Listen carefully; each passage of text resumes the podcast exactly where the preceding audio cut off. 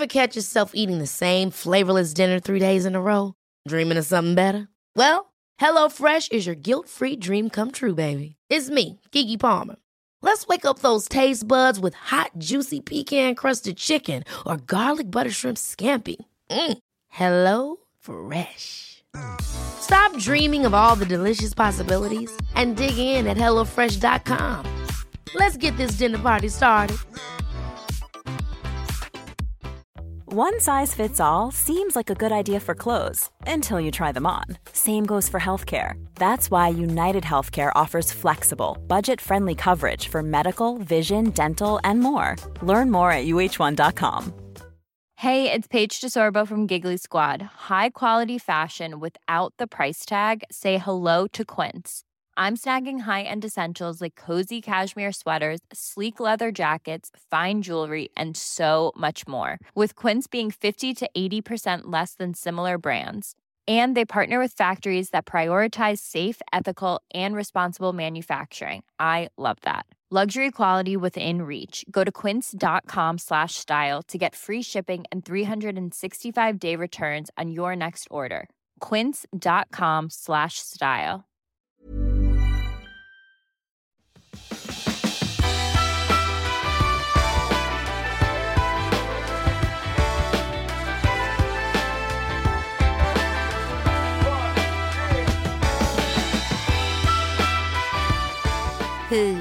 Hjärtligt välkommen till Klimakteriepodden med mig, Åsa Melin. Behövs det verkligen mer snack om klimakteriet? Behövs det fler poddar? Behövs det fler böcker? Och så vidare. Ja, jag tror faktiskt det med bestämdhet och jag vågar skriva under på att eh, det finns nya vinklar av det här med klimakteriet också. Och efter att ha läst det senaste tillskottet på Bokfronten som journalisten Ulrika Hammar har skrivit så är jag jättepepp på att få höra mer om framförallt den historiska aspekten av klimakteriet. Jag fastnade för att det finns så mycket tankar som också leder framåt och resonemanget Ulrika har kring hur vi kvinnor kan välja att utvecklas och se med nyfikenhet på framtiden och det som kommer efter de här hormonella svallvågorna. Men just det här historiska perspektivet och hur mannen på något sätt har tittat på oss kvinnor och klimakteriet eh, mer än vi själva har fått utrymme att resonera kring det tycker jag är spännande. Så jag hoppas att du kommer gilla det här avsnittet och eh, att tycker att det tillför flera nya viktiga tankar. Så välkommen att lyssna.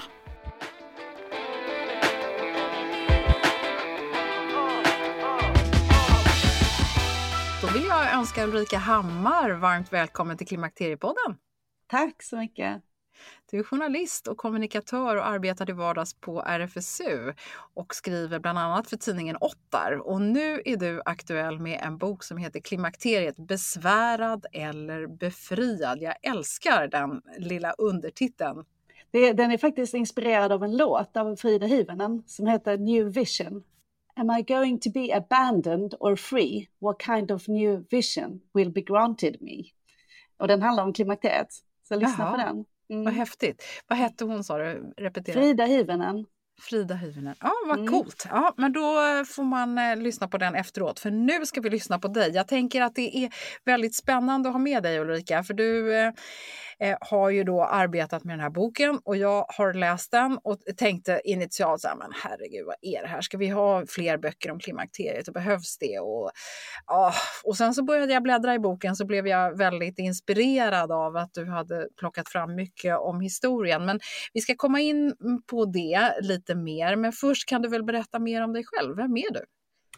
Ja, jag är 54 år. Jag bor i Bagarmossen eh, söder om Stockholm med min partner. Jag har två barn i 20-årsåldern som har flyttat hemifrån. Så det är bara vi här hemma nu. Jag gillar att vara ute i skogen eh, och läsa böcker och umgås med mina vänner. Och tänka på livets stora frågor. Ja, och då är ju klimakteriet en sån fråga. Ja. Du, behövs det fler böcker om klimakteriet då, apropå min eh, egen reflektion initialt? Ja, alltså det finns ju många handböcker om klimakteriet, vad klimakteriet är, vilka symptom man kan ha och hur man kan bli hjälpt. Men jag tänkte också att det behövdes ehm, en reportagebok som mer beskrev kvinnors egna upplevelser och erfarenheter av klimakteriet. Och sen även liksom vad som behöver göras rent politiskt för att vi ska få en bättre klimakterievård och, och få mer kunskap i samhället i stort. För att jag tycker så här att jag tänker att när man pratar om det rena handhavandet, så eh, när det gäller vård och så vidare, så har du ju gått in ganska djupt på det, men du har ju inte presenterat några lösningar i och för sig. Eh, nej, men alltså Socialstyrelsen har ju gjort två stora kartläggningar av klimakterievården. Den första 2020 och den andra, jag tror det var, kom i våras. Och där finns det ju konkreta eh, åtgärdsförslag och de är nu inlämnade till Socialdepartementet, så det åligger dem att, att genomföra det. Och det ena är ju ett nationellt kunskapsstöd eh, kring klimakteriet. Och det andra är att kvinnorna på något sätt behöver få mer information och kunskap om det. Mm. Så det, det, väntar vi ju fortfarande på, att se liksom de här förslagen sätta i praktiken. Ja, och då kan jag eh, efter avsnittet här så kan jag då tipsa om två avsnitt av Klimakteriepodden där vi faktiskt har intervjuat Socialstyrelsen om just det här. Och eh, vad regeringen kommer göra, det har vi ju som sagt ingen aning om. Men det går ju inte alltid så fort tyvärr, det är vi ju väl medvetna om. Eh, men Ulrika, du har ju arbetat med den här boken ett tag och dels så har ju du och din klimakterie eh, upplevelse förändras men också kunskapen kanske delvis runt omkring oss och kanske också inställningen. Och hur, hur tänker du där? Jag kan väl berätta hur det var för egen del. att jag började få eh, oregelbunden mens när jag var 47 ungefär och sen så gick det något år och sen kom eh, vallningarna och besvären och de blev ju till slut så stora att jag valde att börja med östrogen. Så att när jag började skriva på boken så hade liksom mina fysiska besvär försvunnit, tack och lov. Annars hade det nog varit svårt tror jag. Eh, jag, jag fick liksom sömnproblem och jag kände mig nedstämd. Och då, men det var mycket som blev hjälpt av östrogen. Eh, men däremot så hade jag fortfarande väldigt mycket existentiella funderingar. Och det hjälpte mig liksom boken att bearbeta med att ta del av andra kvinnors berättelser, både i historien och i nutid. Alltså vem är jag liksom när jag inte är fertil längre? Vem är jag när barnen har flyttat hemifrån? Vem är jag när jag inte ses som lika sexuellt attraktiv eller känner mig lika kåt längre? Eh, så det är liksom stora förändringar. Nu ser jag nästan klimakteriet som, som puberteten, alltså en lika, lika viktig övergång. Att vi är en annan person före än vad vi är efter. Och jag tänker det där att när vi är i puberteten så hejar alla på oss och tänker nu ska du snart bli vuxen. Men ja. när vi klimakteriet så finns det ingen liksom, vem ska vi bli? Det är liksom helt tomt där på andra sidan. Det är liksom, ja, det är lite svårare övergång för att vi inte vet vad som väntar. Men jag tänker att det väntar någonting spännande där på andra sidan också. Vi kan, vi kan bli någon annan. Men känner du att du är på den andra sidan nu? Du, sa, du nämnde att ja. dina symptom var under kontroll och så vidare. Ja, um, jag, jag skulle nog säga att jag är på andra sidan eller på väg över dit. Och jag känner mig mycket lugnare i mig själv. Liksom. Det var, eh, alltså jag pratade med en kvinna som sa eh, det är som att någon gav mig en drog när jag var i 13-årsåldern och jag tyckte män var det viktigaste som fanns i livet. och, sen, och sen vid 50 så föll fjällen från mina ögon. och det är lite så som jag tänker nu också, att alltså det finns en massa andra spännande grejer att göra. Jag, jag, skrev delar av den här boken, jag åkte till en grekisk ö och jag satt där och skrev på dagarna. Och så på, liksom, vandrade jag ut på ön och jag plockade färska örter och jag badade naken. Och, och det var så underbart. Och så tänker jag, om jag hade gjort det liksom bara tio år tidigare, skulle varit så här lite rastlös och börjat kolla, finns det någon man här i närheten? så det är liksom, det är någonting som jag släppt taget av som är så himla härligt. Där det, det som man tyckte var lite långtråkigt innan har blivit så himla bara mysigt att vara i och härligt och spännande. En vistelse i skogen liksom, eller en pianokonsert eller det liksom öppnar upp för någonting, en stor njutning. När liksom, kanske när den sexuella njutningen blir mindre viktig så börjar jag njuta av fler saker helt enkelt. Ja, det låter ju helt fantastiskt. Du, eh, upplägget då, om vi, vi kommer tillbaka till det. Hur, hur har upplägget eh, förändrats i takt med din egen utveckling? Jag började, hösten 2020 så skrev jag två reportage om klimakteriet där jag bland annat intervjuade dig då till tidningen Otter. Och då handlade det dels om Socialstyrelsens första kartläggning som visade på en väldigt ojämlik vård över landet. och ojämlik tillgång till eh, östrogen till exempel. Um, och sen var det också brist på läkemedel då, så det var mycket som var restnoterat och det var svårt att få tag på sina östrogenplåster till exempel. Och det är ju jättejobbigt när man har börjat på en behandling och sen inte får tag på medicinen. Um, så där började jag och sen började, då, och då upptäckte jag, här finns det ju material för en hel bok. så då började jag skriva på den där i början av 2021 då. Um, och uh, jag trodde att boken skulle handla mest om klimakterievården och det som behövde åtgärdas. Uh, sen började jag skriva på det historiska kapitlet och då var det ju väldigt spännande att se. Det var massa ny kunskap för mig om, om hur det var förr i tiden att vara i klimakteriet. Och gynekologins spännande historia. Och sen har jag intervjuat kvinnor i olika delar av världen för att ta reda på hur det är där. Eh, det var också nya insikter för mig. Så att det, jag trodde att det skulle handla väldigt mycket om vården, det gör det fortfarande, men det är även liksom, ja, som sagt det mer existentiella perspektivet på, på klimakteriet. Mm.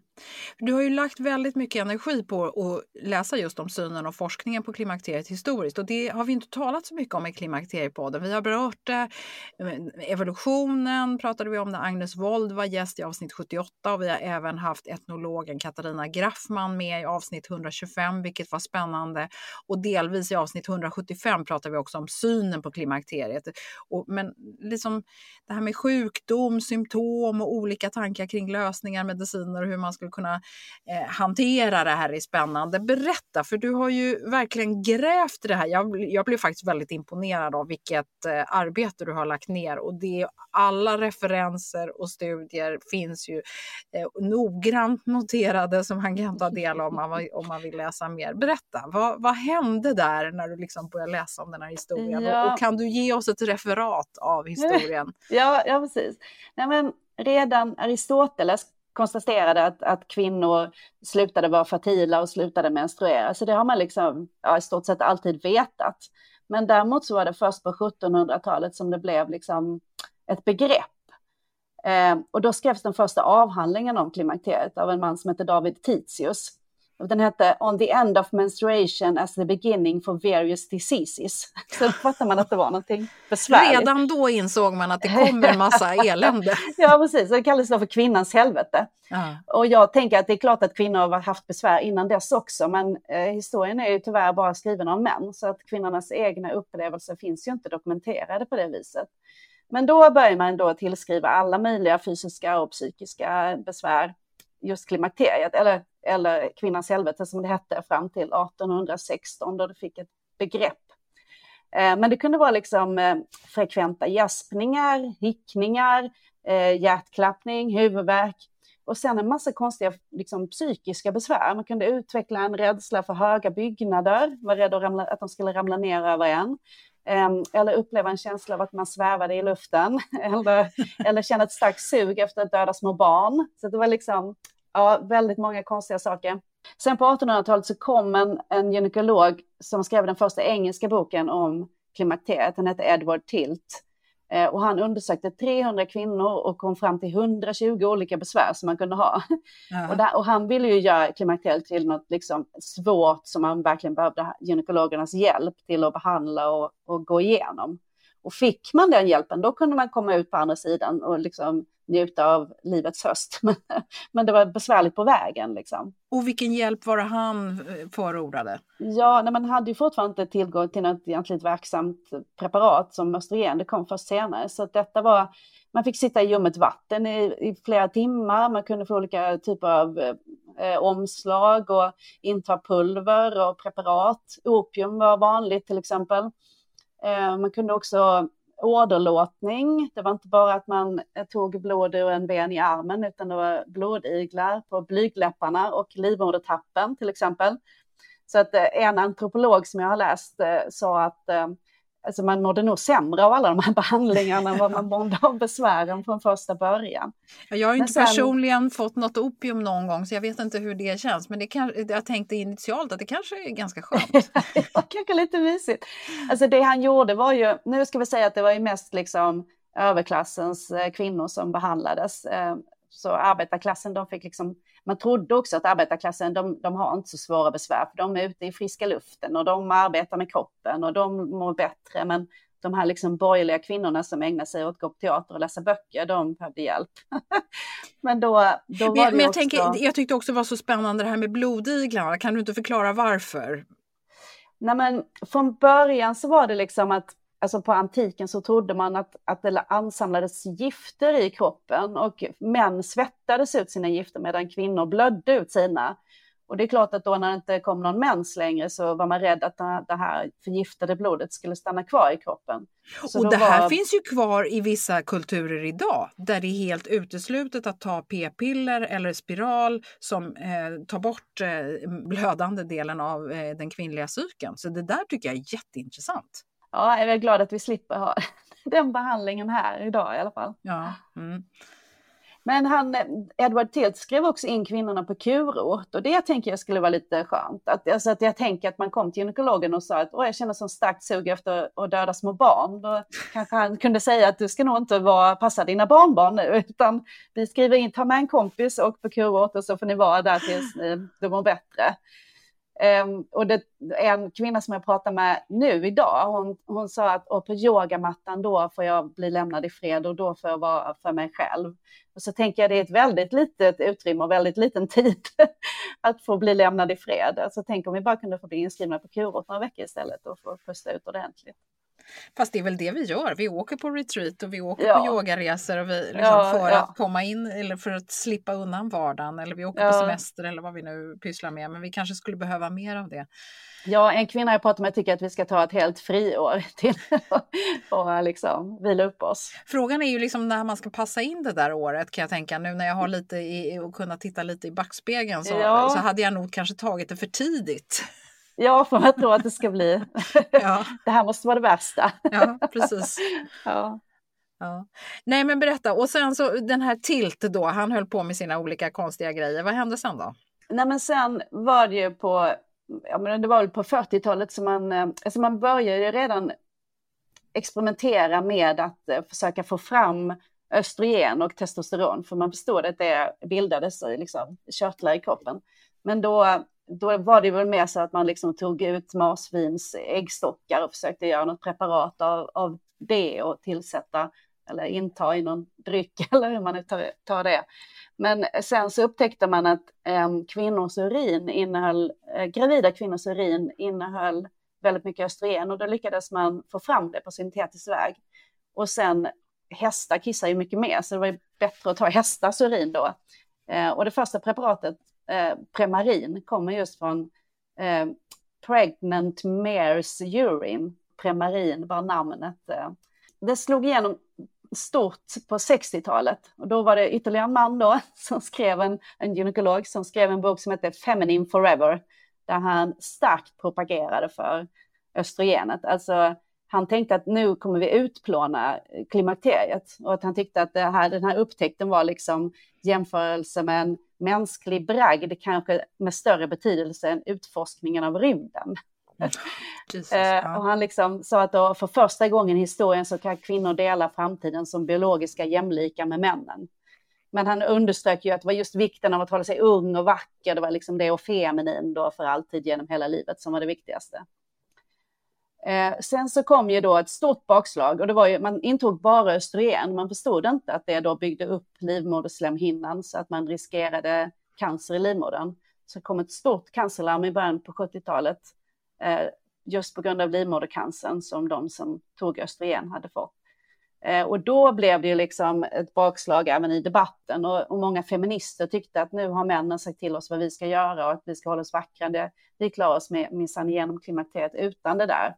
Och det räcker med liksom raska promenader och selleri och yoghurt typ. Mm. Det var en kvinna som hette Rosetta Reitz som skrev liksom en, eh, jag har faktiskt hennes bok här, eh, Menopause eh, Positive Approach, där hon, eh, hon kommer liksom med de här konkreta råden för hur man kan göra för att må bättre. Men sen säger hon också, prata med din omgivning om klimakteriet och använd den tid du nu har kvar i livet och göra exakt det du själv vill. Så hon kommer in lite på det här existentiella, liksom. Att eh, det handlar inte längre om att, eh, liksom, vad ska vi göra när vi blir stora? Vi är ju redan vuxna nu, liksom. Men om man då inte gör vad man vill i livet, hur kommer det sig? Och nu finns det tillfälle att liksom ta reda på det. och också nju, nju, njuta fullt ut av det vi gör, tyckte hon. Men sen kom jag ju då på att om man lagt till gulkroppshormon så skyddar man livmoderslemhinnan. Så det, det, var ju det som blev behandlingen sen, alltså både östrogen och, och gestagen som det var först. Eh, och då ökar ju förskrivningen väldigt mycket igen på 80 och 90-talet, även här i Sverige. Det blev väldigt populärt. Och sen vet vi vad som hände, att millennieskiftet så kom nästa larmrapport eh, om bröstcancer och så sjönk det igen. och nu är vi på väg tillbaka upp. Så det har ju gått upp och ner genom tiderna. Det som är lite intressant tycker jag när man tittar tillbaka nu den sista tiden, det är att så länge det har funnits en verksam behandling, alltså östrogen, då har man pratat om klimakteriet. Men när det har liksom förskrivningen har störtdykt, då har liksom även samtalen om klimakteriet tystnat ganska mycket. Och klimakteriet har, finns ju där i alla fall, besvären är ju där i alla fall, men det är som att det blir tabu och tyst när det inte finns någon medicin. Ja, men det är väl att det inte då det blir så svårt att diskutera någonting där det inte finns någon lösning. Eller, jag tänker ja. också, eh, ni journalister är ju duktiga på att liksom gilla lite larm och gilla lite mm. bum mm. och det ska finnas någon så här ja och nej och eh, dra ja, dramatik. Mm. Men det var jätteintressant att prata med Mats Hammar jag vet inte om du har haft honom i podden. Mm, han har ju följt kvinnor i klimakteriet sedan 80-talet. Så att det var verkligen nutidshistoria liksom, att prata med honom. Vi kan lägga till att han är professor emeritus i gynekologi och obstetrik på Linköpings universitet.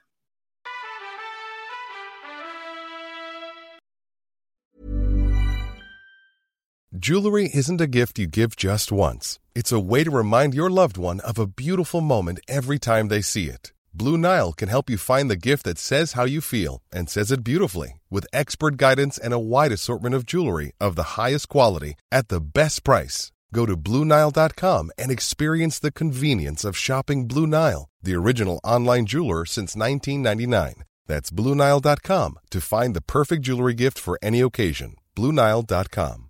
Hi, I'm Daniel, founder of Pretty Litter. Cats and cat owners deserve better than any old fashioned litter. That's why I teamed up with scientists and veterinarians to create Pretty Litter. Its innovative crystal formula has superior odor control and weighs up to 80% less than clay litter. Pretty Litter even monitors health by changing colors to help detect early signs of potential illness. It's the world's smartest kitty litter.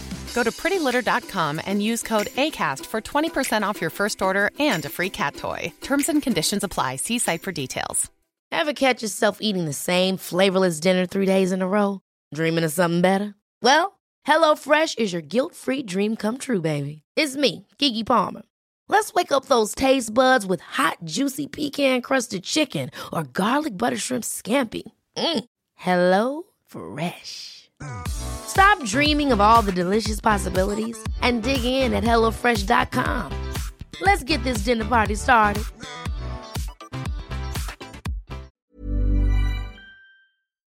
Det är härligt att klimakteriets tabu äntligen är på väg bort. Vill man försöka klara sig utan hormonbehandling så finns nu många nya kosttillskott som lovar bland annat hormonell balans och som ska stötta brister. Jag vill lyfta min räddare i nöden, Femarel.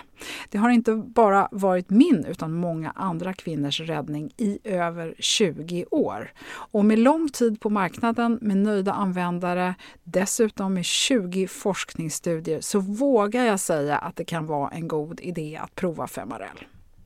Femarel finns på apoteken och i hälsokostbutiker. Tack Femarel som varit min samarbetspartner i många år.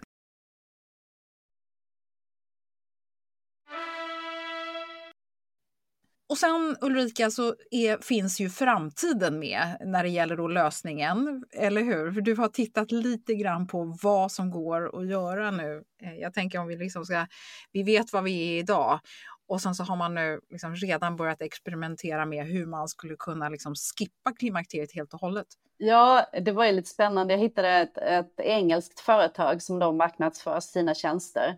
Och jag tror från början så, så vände de sig till Eh, personer som, hade fått, som har fått cancer som är tvungna att operera bort eh, äggstockarna kanske i tidig ålder. Eh, men nu så vill man då försöka sälja in det till alla kvinnor och det måste man ju göra redan då i 20-årsåldern. Det går ut på att man liksom tar vävnad från de fertila äggstockarna och spar, fryser in och sparar dem. Sen kan man liksom återimplantera det i kroppen och även i, i liksom efter klimakteriet. Så att då antingen ska man sätta in det i äggstockarna och börja producera ägg igen och bli fertil. Eh, eller så om man inte vill ha fler barn så kan man liksom eh, då återimplantera det till exempel under, eh, alltså i armhålan och få igång sin östrogenproduktion igen. Så det är, det är liksom, ja det är science fiction nästan när man hör om det. Ja. Och tror du Också, på det?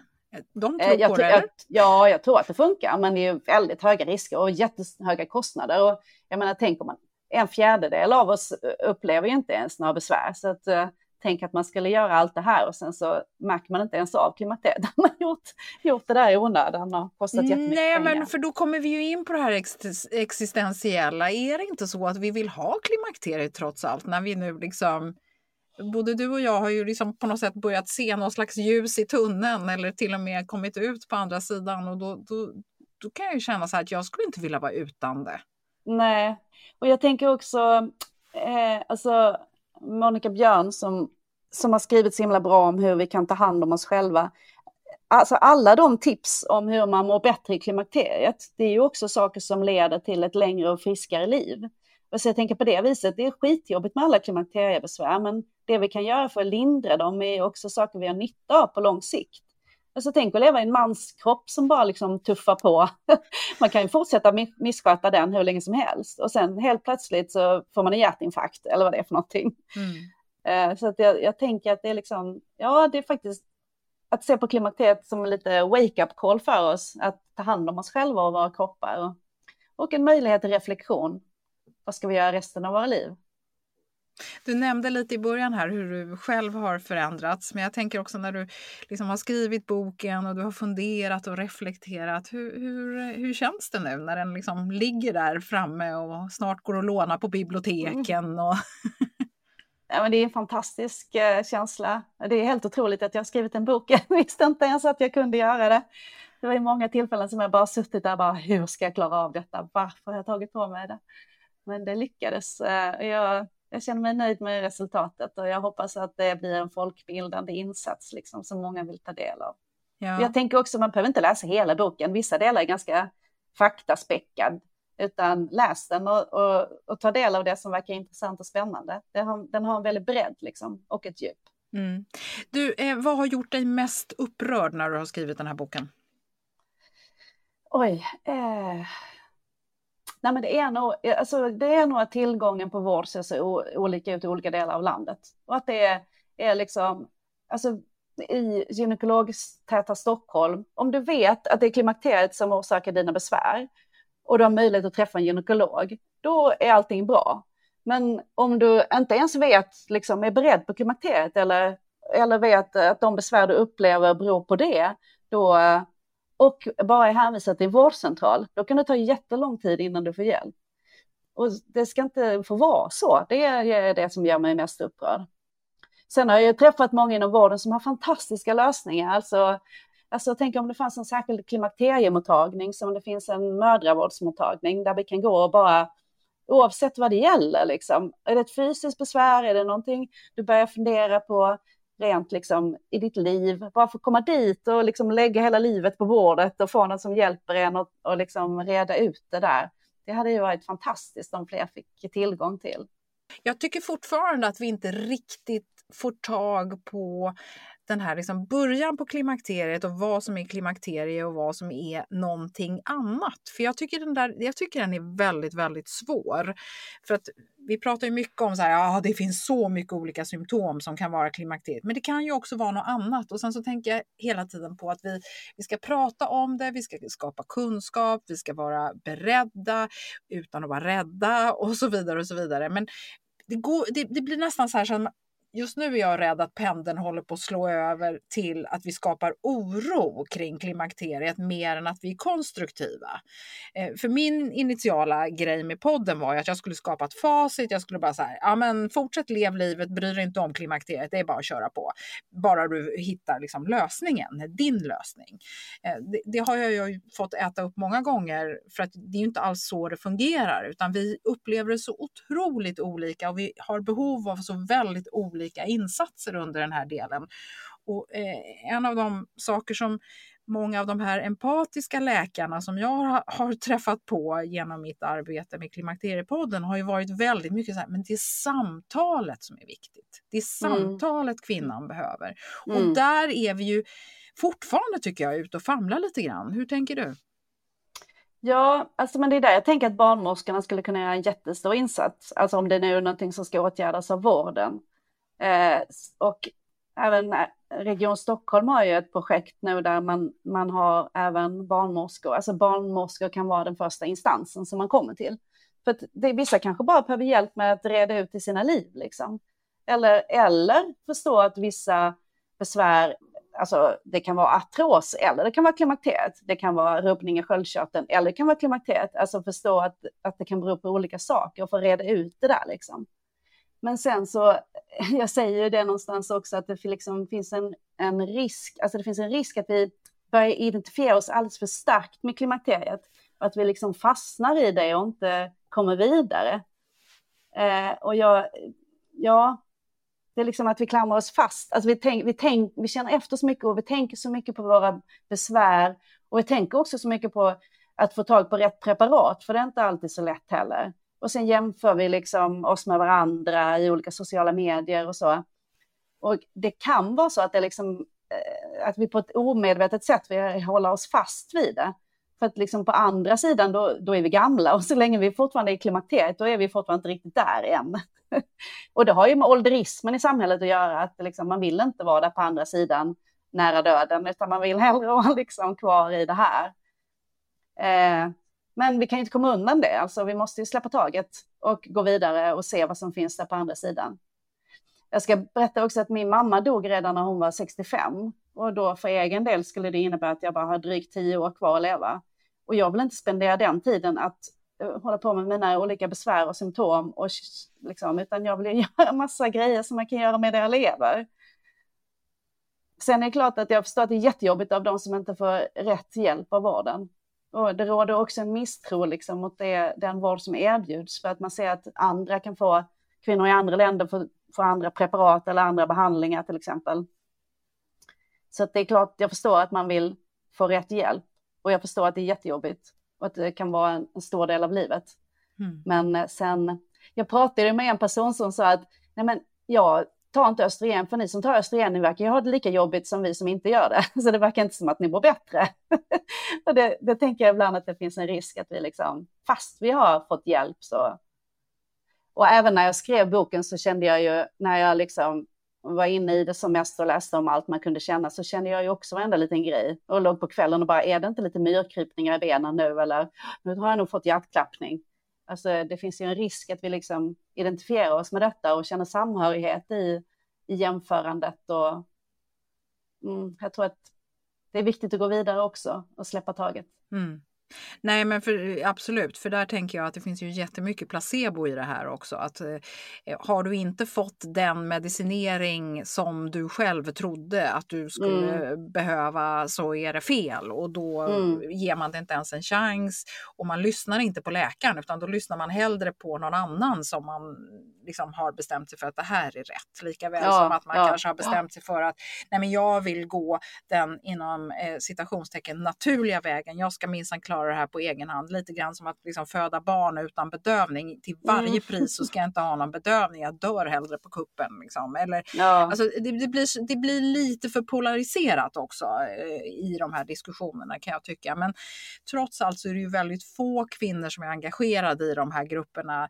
Eh, om man nu tittar i sociala medier totalt sett. Så jag tror att de flesta kvinnor fortfarande går runt lite grann på egen hand och för sig själva funderar på vad är det egentligen som händer och vad är vad och har lite svårt att, att diskutera det med nära, har, mm. tycker att det är liksom fortfarande väldigt svårt att hitta rätt eh, Eh, tankar kring eh, det här. Och är det klimakteriet eller är det inte? Nu plötsligt så möter jag många kvinnor som liksom i början på 40-årsåldern och säger ah, du vet Åsa, jag känner det här. Tror att det kan vara klimakteriet. Mm. Ja, fast du vet, fundera inte så mycket på det, utan liksom bara lev livet. Ja, exakt. Och sen så när det blir så illa så att man liksom faktiskt känner att man inte kan fungera, då ska man ju naturligtvis alltid mm. söka hjälp. Men man kanske inte ska känna efter för mycket alla Nej, gånger. exakt. Lev livet. Ja. det var bra ja. sammanfattat. Ja. Sen tycker jag en sak som jag är väldigt tacksam över det är att jag har haft en arbetsplats där jag har kunnat prata öppet om klimakteriet. Eh, för det tänker jag, jag kan inte tänka mig något värre än att försöka liksom dölja en vallning. Eh, att man får be att få öppna ett fönster eller ta en paus eller eh, komma in lite senare eller vad det nu är för någonting. Det tror jag är jätteviktigt och där tror jag fortfarande det kan finnas tabu på mm. arbetsplatsen, att man inte vågar vara så öppen med det. Nej, för att det finns ju också en, man har kämpat sig till det här eh, arbetet eller positionen man har och vill bli respekterad på alla sätt och då börjar vara krångla med att man är kvinna och i klimakteriet och man ska ursäktas. Det blir ju väldigt svårt och där tycker jag också att det är viktigt att vi pratar om det, hur vi kan göra det här konstruktivt i arbetslivet och där har du lite eh, tankar. Alltså jag har tittat ganska mycket på England och de, där är det många företag som har tagit fram klimakteriepolicies och jag tror det är jättebra. Eh, alltså policierna är till för att det ska kunna ske en anpassning av arbetsmiljö eller arbetsuppgifter. Men de är ju väldigt mycket, är du i klimakteriet, då kan du sitta i det här svala rummet, eller är du i klimakteriet, då kan du få en liten vårdsfläkt. jag tänker att det blir liksom nästan stigmatiserande. Och när jag pratar med fack och arbetsgivare i Sverige så säger de att vi vill inte att det ska vara individuella liksom, besvär på det sättet, utan oavsett om du har pollenallergi eller är i klimakteriet eller det är någonting annat, så ska din eh, liksom, arbetsgivare ge de bästa förutsättningar för att du ska kunna fortsätta jobba så som du har gjort innan eller göra din bästa arbetsinsats. Jag tror att det räcker, liksom. jag tror att vi har en mognare arbetsmarknad här som, som kan ta hand om alla våra olika besvär. Alltså livet pågår medan vi jobbar och någon har skilt sig och någon har ett myom och alltså det är olika liksom. Mm. Klimakteriet är bara ett av många besvär. Men däremot som sagt, att bryta tystnaden och få prata mer öppet om det. Och kanske hålla, som de gör i England också, eh, alltså kunskapshöjande personalträffar om klimakteriet. Så alla förstår vad ens kollegor kan gå igenom. Och jag tror faktiskt att facken kan göra mycket, för de har gjort mycket kring mensen till exempel, där de har börjat prata om det, fått, fått eh, arbetsplatser att ta upp frågan om mens. Så det kan man göra samma sak med klimakteriet tänker jag. Mm det finns ju en del positiva exempel även i Sverige. Eh, det finns ju flera kommuner som eh, redan har börjat jobba med det här och just kommuner är ju oftast arbetsplatser som har väldigt mycket kvinnor som är just i medelåldern dessutom. Jag har eh, mm. själv jobbar jag faktiskt med två olika kommuner i Sverige som båda vill höja kunskapsnivån. Det finns flera arbetsplatser och kommuner som har lyft det här, men där är det precis det perspektivet man har tagit sig an, att man tittar på det ur ett kunskaps perspektiv snarare ja. än ett policyperspektiv. Så att jag, jag, jag, hoppas du har rätt där, för det är fortfarande en väldig utmaning tänker jag för en 35-årig man och föreslå för en 50-årig kvinna att jag tror att du är i klimakteriet och kanske behöver hjälp. Det, ja. det är liksom, ja, kanske inte landar så himla bra alla gånger.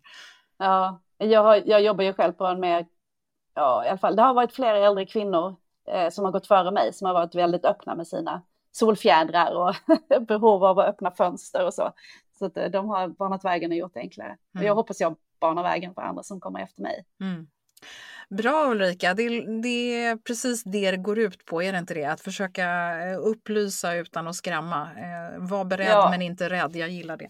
Den ja. eh, lilla sloganen. Och framförallt så mm. tycker jag också att den här boken som du har skrivit, jag hoppas verkligen att man lockas av titeln också, besvärad eller befriad, för det finns flera eh, vinklar på det här. Det är inte bara elände med klimakteriet, utan det är också en, en fin period eh, som kan komma både innan, under och, och efter.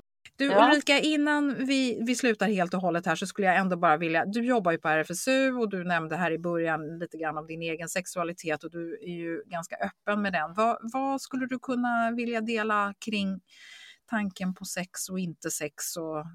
det som händer trots allt i klimakteriet?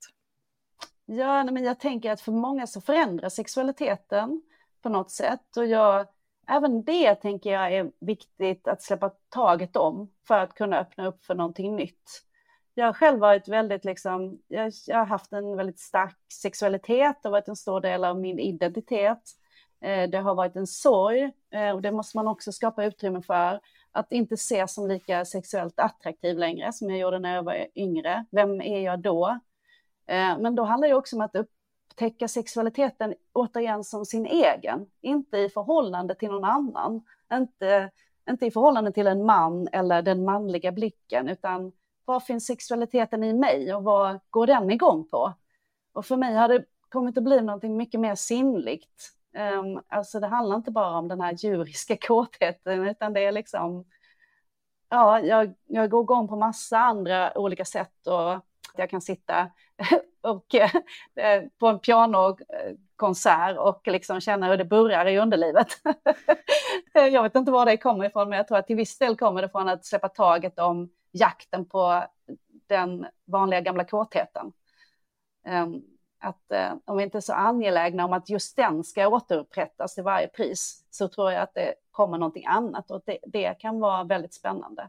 Mm. Sen ska jag säga också att en av de som jag intervjuade, Annika Gunst, som har forskat på kvinnors sexualitet, hon, eh, hon säger att alltså, i klimakteriet har ju många varit tillsammans i samma relation så himla länge, så att eh, det kanske också hjälper bara att ta in en ny person så, så skulle många upp, upptäcka en ny kåthet. Eh, det är kanske är därför många kvinnor också har tappat lusten för att det är så här, men man vill inte ha det där gamla utan man behöver något nytt. Man behöver liksom ja, inte vet jag, mm. eh, inspiration på ett helt nytt sätt. Eh, det där med att lyssna på klassisk musik kanske är grejen.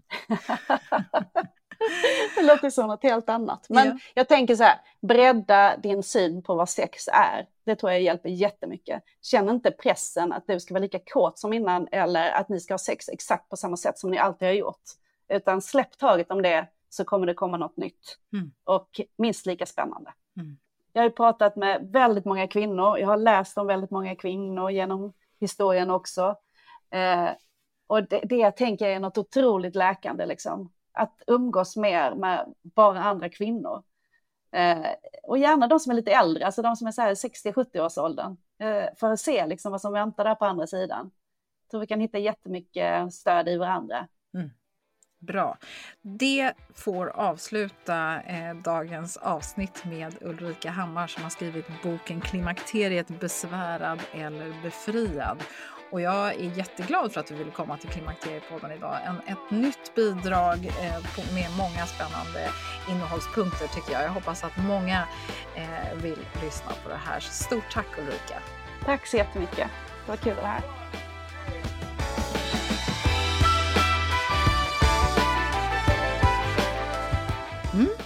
Hoppas att det verkligen framgick att jag tycker att det är superintressant att männen liksom dikterade hur vi skulle hanteras i klimakteriet.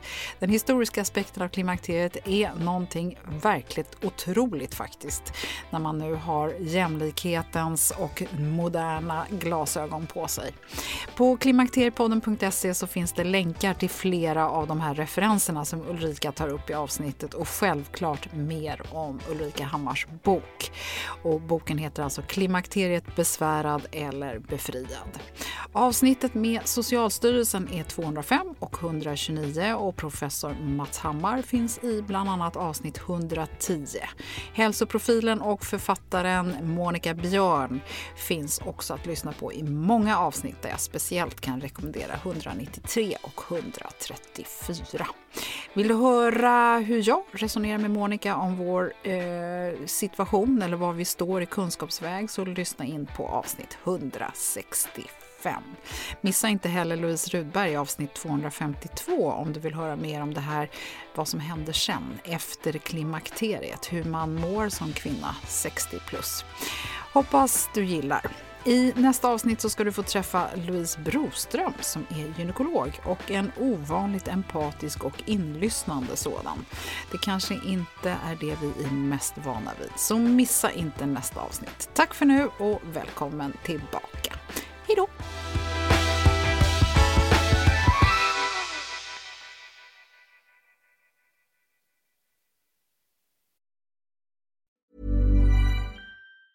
Mom deserves the best, and there's no better place to shop for Mother's Day than Whole Foods Market. They're your destination for unbeatable savings, from premium gifts to show-stopping flowers and irresistible desserts. Start by saving 33% with Prime on all body care and candles. Then get a 15-stem bunch of tulips for just $9.99 each with Prime. Round out Mom's menu with festive rosé, irresistible berry chantilly cake, and more special treats. Come celebrate Mother's Day at Whole Foods Market. Ever catch yourself eating the same flavorless dinner three days in a row?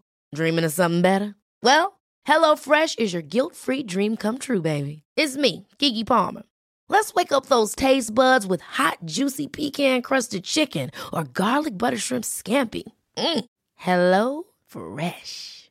Stop dreaming of all the delicious possibilities and dig in at HelloFresh.com. Let's get this dinner party started. Hi, I'm Daniel, founder of Pretty Litter. Cats and cat owners deserve better than any old fashioned litter. That's why I teamed up with scientists and veterinarians to create Pretty Litter. Its innovative crystal formula has superior odor control and weighs up to 80% less than clay litter. Pretty Litter even monitors health by changing colors to help detect early signs of potential illness. It's the world's smartest kitty litter. Go to prettylitter.com and use code ACAST for 20% off your first order and a free cat toy. Terms and conditions apply. See site for details.